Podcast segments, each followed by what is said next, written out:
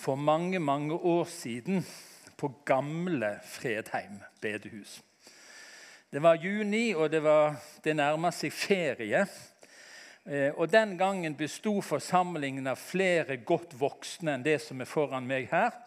Eh, og Jeg sa det på vei ut fra et søndagskveldsmøte til noen av de trofaste, gode damene i forsamlingen at nå skal det bli deilig med ferie. sa jeg. Nå skal jeg verken lese eller be på en måned. Og du skulle sett fjeset deres. De ble Nei, men, nei, men, du kan jo ikke si noe sånt. Du, du, du er jo ikke sånn. Altså, vi, vi, forventer jo av deg at du liksom har et nivå hvor du både leser og ber litt mer enn andre. Jeg sa det litt på spøk, forhåpentligvis.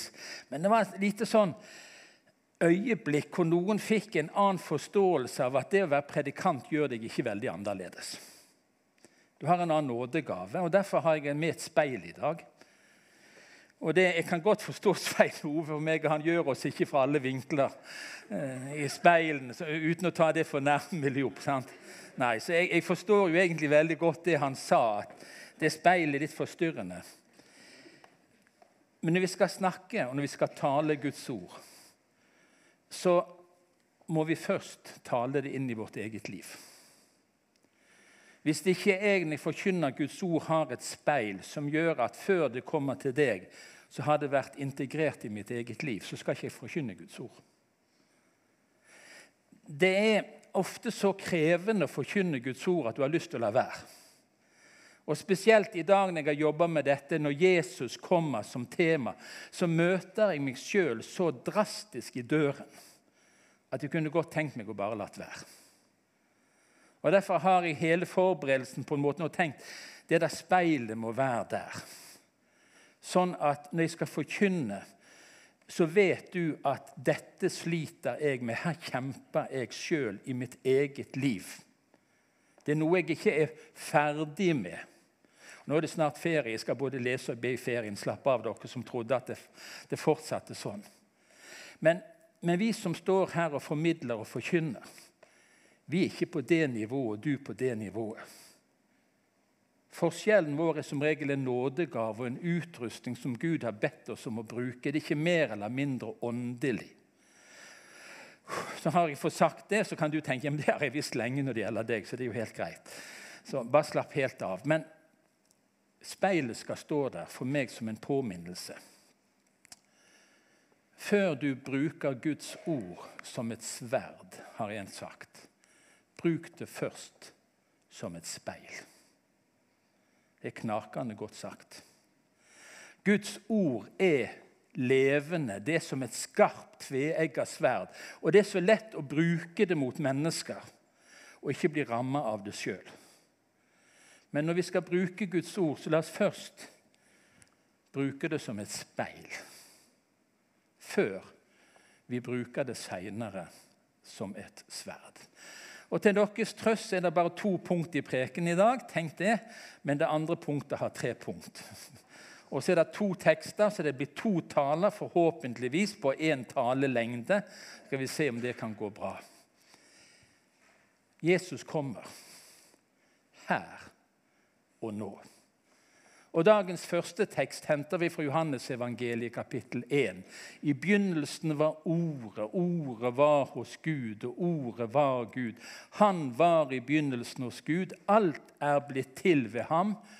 Uten ham er ikke noe blitt til. Han var i verden. Og verden er blitt til ved ham, men verden kjente ham ikke. Han kom til sitt eget, og hans egne tok ikke imot ham. Men alle som tok imot ham, den ga han rett til å bli Guds barn. Jesus kommer. Han kommer hver gang vi er samla i hans navn. Jeg fleiper av og til med noen som sitter bak i salen og gir karakter til mine prekener. Og Noen er veldig frimodige. Når jeg kommer ut på gangen, så ja, i dag var det en svak firer. Er en som sier. I dag var det en femmer. Altså, dette handler jo ikke om prestasjoner herfra. Lovsangen handler ikke om hvor godt de leder oss i sangen. Saken er at Jesus er her. Når du går ut av denne gudstjenesten, så har du, enten du følte det, visste eller ikke, hatt et møte med Jesus. Og da skal jeg si Det det som er det viktigste som blir sagt fra denne talerstolen, det er ordene fra Bibelen som blir lest. For de er virkekraftige. Mine utleggelser av ordet har ikke mye betydning. Men hvis du får med deg tekstene, så har du hatt et møte med Jesus. For han er ordet. I begynnelsen var ordet, og ordet var Gud. I dag er du på møte. Du er sammen med andre mennesker. Men Jesus er her. Og jeg lurer på Hvor mange møter har du, gudstjenester har du vært på hvor du har gått ut igjen og tenkt ja, ja, han, han, han, traff ikke helt i dag. Jeg har hørt ham bedre. Lovsangen har vært bedre. Møteledelsen har vært bedre. Har du vært i møte med Jesus, eller har du vært i et møte med oss som står her framme? Du skjønner, Jesus er her. Det er han du er her for å møte. Det er han du er her for å lytte til. Og Spørsmålet er ikke om du får noe ut av prekenen, men om Jesus får lov å tale til deg. For du skjønner, troen kommer av budskapet som en hører.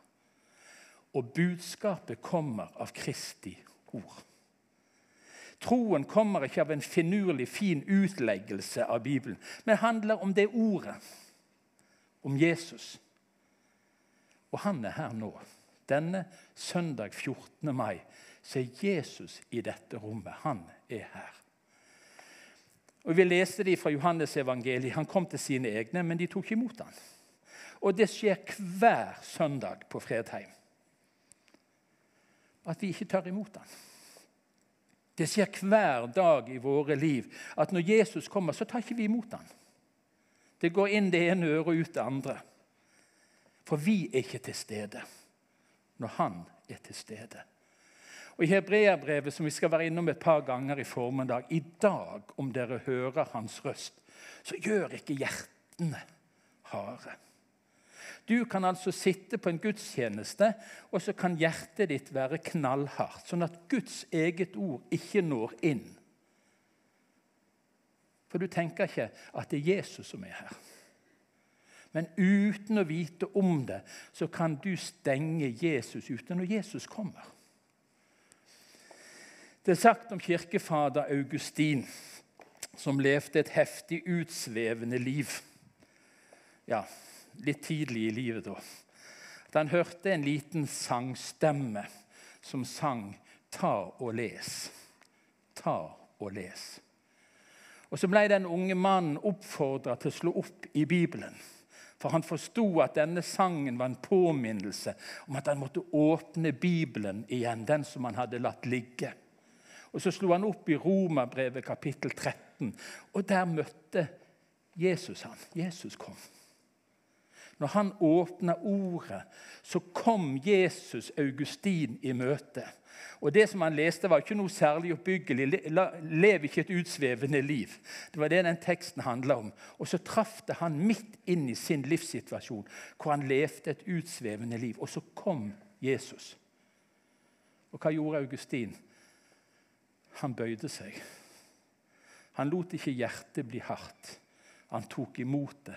Så ble han en av kirkehistoriens største og mest innflytelsesrike ledere fordi han når han møtte Jesus, var til stede i hans liv. Og Jesus sa det på denne måten.: Hvis dere blir i meg, og mine ord blir i dere. Og Jeg vet ikke hvor mange ganger jeg har lest og åpna denne boken. Og så har jeg tenkt det at det var det irriterende at det skulle være så treffende akkurat i dag. For den boken er ikke en bok du leser. Den boken er en bok som leser deg. Og det har vært ganger Guds ord har kommet meg i møte på områder jeg har tenkt nei, ikke nå. Jesus kommer, men jeg var ikke til stede. Jeg gjorde hjertet hardt. Har du opplevd det? Vær helt ærlig.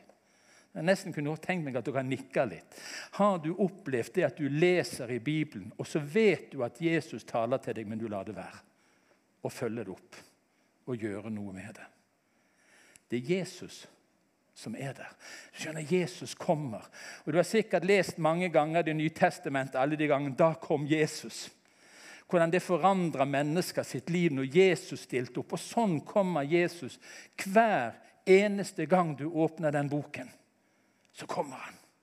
Hver gang du lytter til forkynnelsen og går til gudstjeneste, så kommer han. Hver gang du folder eller løfter hendene dine i bønn eller tilbedelse, så kommer han. Han kommer til deg hele tiden. Og Dette ordet er levende og virkekraftig. Det er skarpere enn noe tveegga sverd. Det trenger igjennom. Men vi kan gjøre hjertene harde, så vi ikke hører. Det bildet, Kikk litt på det bildet. Å, var ikke det fint? Ikke vet jeg om han kan lese. Men altså, jeg, jeg leita jo på, på sånn Google etter noen gode bilder. Og når jeg så det bildet, så tenkte jeg det bildet der må jeg ha med uansett om det passer inn i talen eller ikke. Han har åpna en bok. Og så er det ikke sikkert han kan en eneste bokstav. Men den boken, som er tveegga sverd, er først og fremst en nådebok. Som skaper den gleden det er der du får lov å møte Han som elsker deg, som tilgir deg, som gjenoppretter deg, som helbreder. Altså, kan du annet enn flire, smile, i møte med det ordet, når det får lov å fortelle deg om Guds nåde, Guds kjærlighet, Guds grenseløse tilgivelse, uansett hvem du er, hva du har gjort. Så kommer Jesus. Ta et ord, sier han. Bli i det så skal jeg bli i deg. Skjønner, Jesus kommer. Og Så er det andre ganger det ordet får oss til å måtte bøye oss, folde hendene, kanskje bøye hodet vårt og si, 'Jesus, jeg vet at du visste det, men nå har du sagt det.' Og Det er ganske krevende faktisk å forholde seg til. Men jeg vil omvende meg på det området i mitt liv hvor du har talt på det området du har minnet meg om, i den relasjonen du har minnet meg om. For Jesus kommer, skjønner du, hele tiden til oss. Og så var det gjerne dette mange tenkte det skulle handle om i dag. Og nå skal det handle om det. Og nå kommer tre punkt. Men de skal være ganske korte. Han som kommer til oss hver eneste dag når vi slipper han til.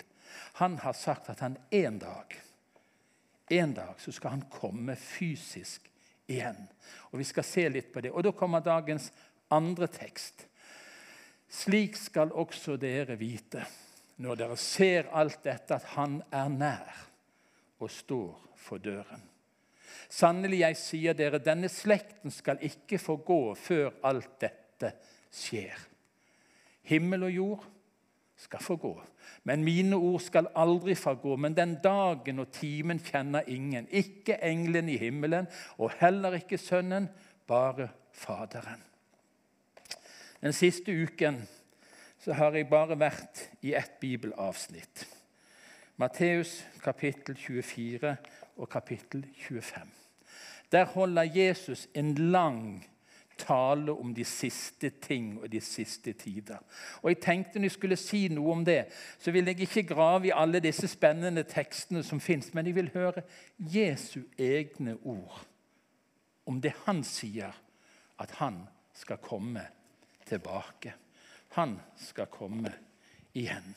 Og speilet står der som en påminnelse om at det berører mitt liv like mye som ditt liv. Han kommer. Og På en måte så blir noen tenkt uff, det var litt skummelt. Men det er et fantastisk budskap at han kommer. Han som skal gjenopprette, han som skal skape en ny himmel en ny jord. Det er han som kommer. Det er vår forløsning, sier Bibelen, som ligger foran oss, for oss som tror på han.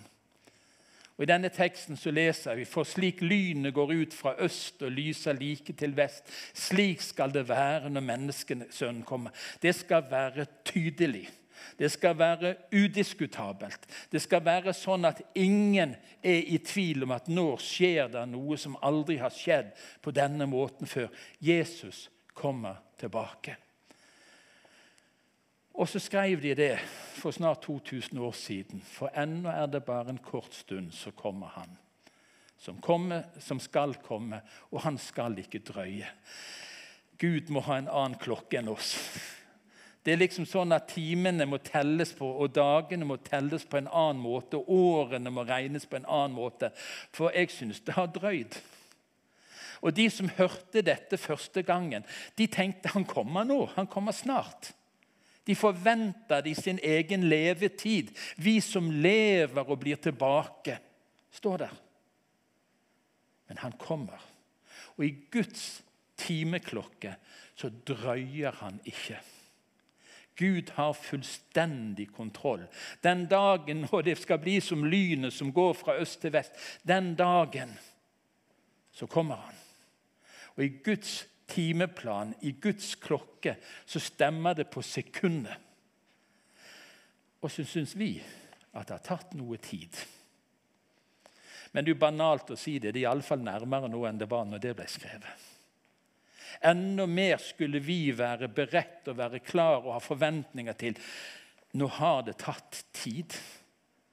Og er det noe i timeklokken, er det noe i tegnene, er det noe i det Jesus sa som forteller at det nærmer seg? Og Da blir spørsmålet når kommer han? Og Tenk om jeg hadde visst det. Det hadde blitt sensasjon. Men la oss høre hva Jesus sa sjøl.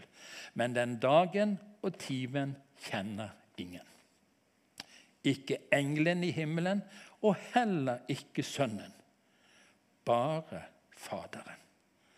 Og Det hjelper meg til å tenke ganske enkelt. Min jobb er ikke å sette meg ned og regne på et regneark og si nå har det skjedd, og nå har det skjedd, og nå har det skjedd. Da må det være så og så lang tid igjen. Og Dette har Kirken gjort i snart 2000 år. Ved det første tusenårsskiftet så satt de i hvite klær, konfirmantkapper omtrent, på høyder og venta. Nå kommer han. Men Jesus sa det. Ikke vær så opptatt av å bestemme tid og sted. Det vet bare Gud. Det skal du slippe å forholde deg til. Det er ikke vårt oppdrag, det er ikke vår oppgave å, si, bestemme tid og sted. Vi vet ikke. Vi vet at han kommer men vi vet ikke når han kommer. Men så står det i disse to kapitlene noen ting vi skal se etter. Og To ganger i disse kapittel 24 og 25 i Matteus evangeliet så står det at evangeliet om riket det skal forkynnes for alle folkeslag. Og så skal enden komme. Hvis du ser utover den, si, denne jorden som er skapt av Gud, så ser vi at evangeliet forkynnes på stadig flere språk til stadig flere mennesker. Evangeliet om riket. Følg med. Det står om trengselstider. Det står om trengselstider som var så alvorlige at folk tenkte ja, nå må det være. Så sier Jesus nei, det er bare fødselsvedene. Det er bare begynnelsen. Det kommer mer. Det står om krevende tider. Det står om falske messiaser og falske profeter. Det står en lignelse om fikentreet, som vi nok tror handler om israelsfolket. En dag skal det folket komme tilbake igjen, fra sitt land igjen. Og vi ser at skjer det noe der, så er hele verdenspressen til stede. For uten å vite om det, så bekrefter de at israelsfolket har en helt spesiell plass i Guds hjerte og i Guds tanke og i det som har med avslutningen av denne tiden å gjøre. Følg med hva som skjer. Og så var det noen brudepiker der, og de sovna alle sammen. Åndelig søvn. Og er det noe som kan kjenne utfordre meg i mitt eget liv, så er det at jeg vet så mye med hodet. Men kroppen min på en måte forholder seg nesten sovende til det. Jeg fortalte om det før vi, når vi hadde et bønnemøte her.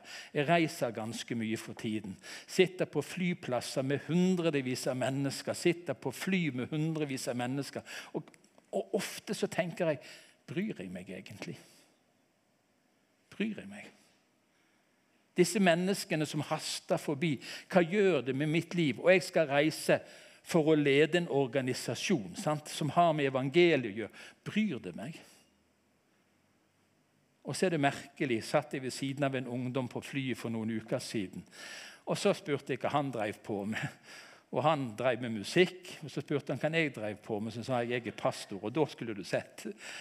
Ja, Da kunne han kanskje bare lukke igjen, men da åpna det seg opp. En samtale. Og så fikk vi en god drøs. Vi utfordres. Jeg utfordres av at jeg vet så mye. Men det betyr så lite. Kjenner du deg igjen? Den åndelige søvnen, likegyldigheten. Det å vite ikke det samme som å gjøre. Og For deg som er litt ekstra interessert i dette, så står det i kapittel 24 om en lovløshet som skal ta overhånd. Og Der står det i 2. Tessalonika-brev en forklaring på hva denne lovløsheten er. Den har et navn, den heter Antikrist, og den har vært i verden helt etter Jesus var der første gang og skal få en større og større innflytelse. Men det som skjer, det er at det er en som arbeider mot alle Guds bud og lover. Det er en som gjør alt han kan for at vi ikke skal tro det som står, sånn som det står. Som undergraver Guds gode bud og ordninger på område etter område. Og en dag så har lovløsheten tatt overhånd. Og hvis du følger med, så tror jeg du gjenkjenner at lovløsheten kommer inn på område etter område. Guds ord, Guds gode ordninger for liv i denne verden blir satt spørsmålstegn med av Han som har én jobb, som han begynte med i tidenes morgen. Han sa, 'Har Gud virkelig sagt?'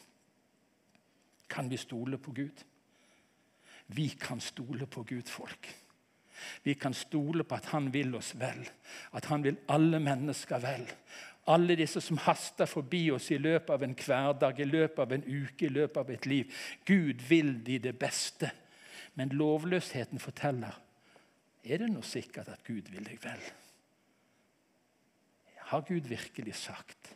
Har Gud virkelig ment det han har sagt? Og det siste Dette gikk fort. Glad dere for det. Nå får vi bruke litt ekstra tid på det siste. her. For det handler jo om det. Hvor er vi når Han kommer? Er du til stede på gudstjenesten i dag? Jeg ser du er fysisk til stede. Jeg skal ikke si hvem jeg ser sove. Det er ingen som sover sånn tydelig ennå. Men, men er du til stede? For Jesus er til stede.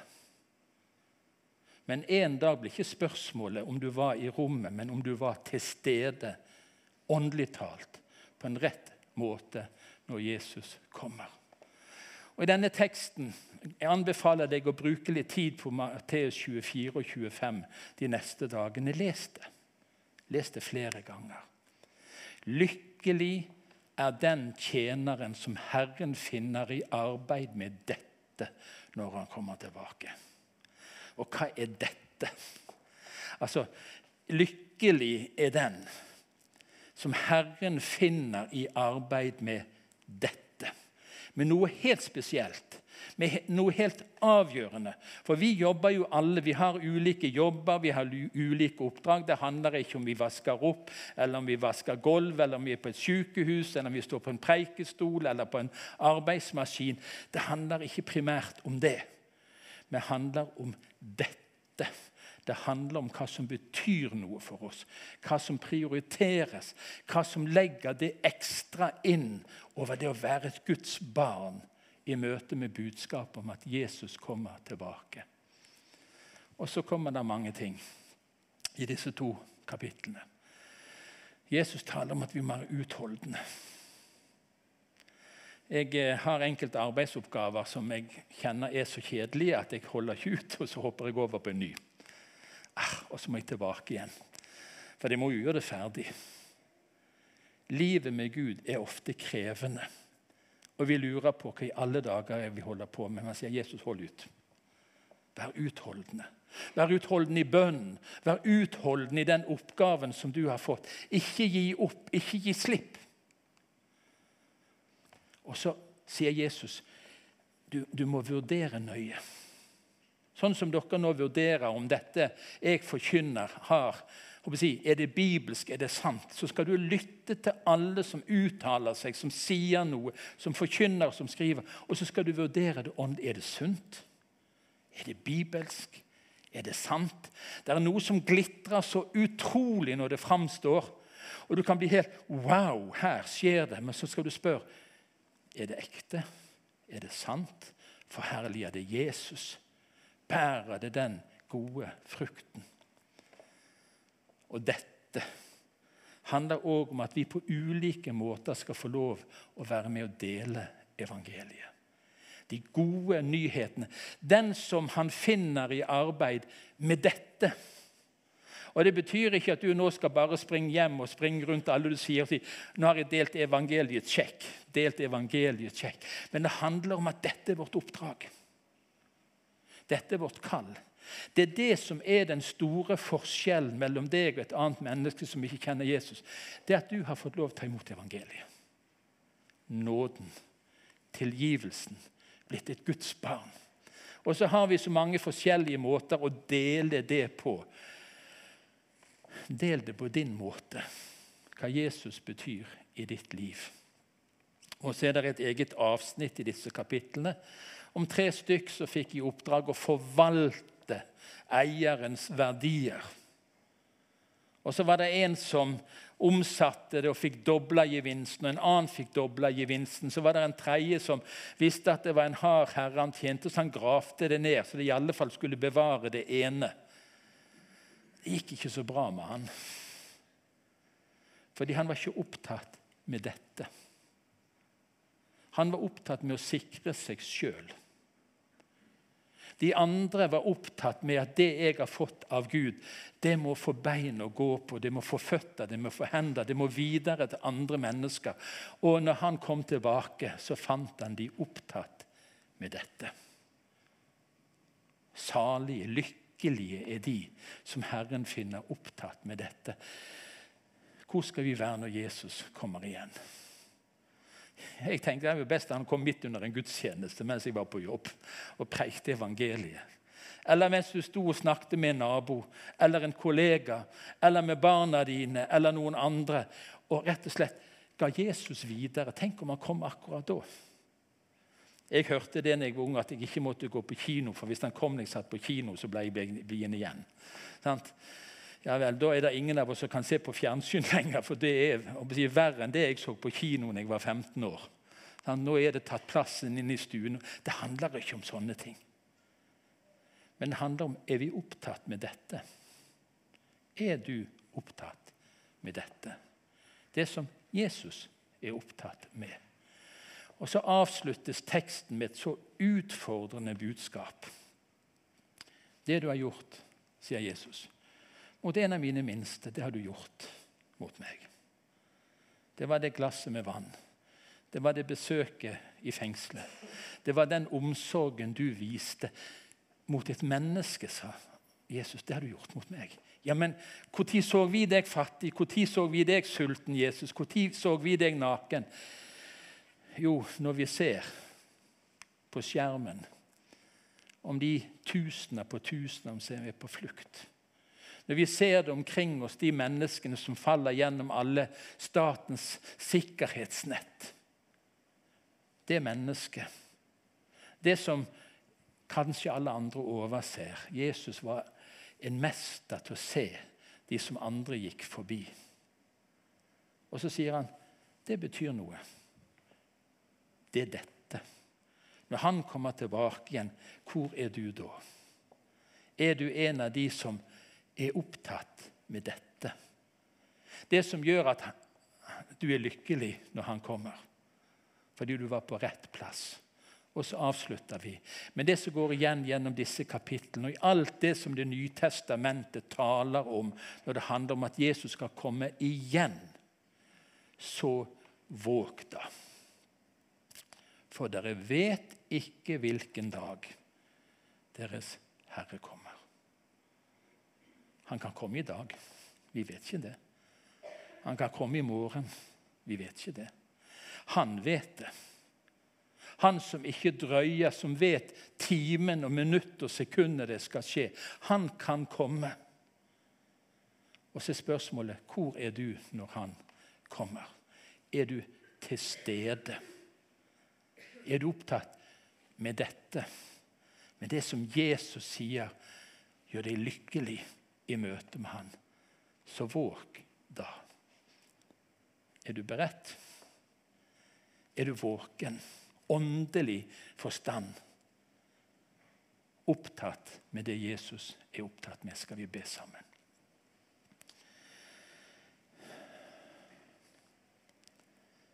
Herre, du eh, er her. Vi har lest ditt ord.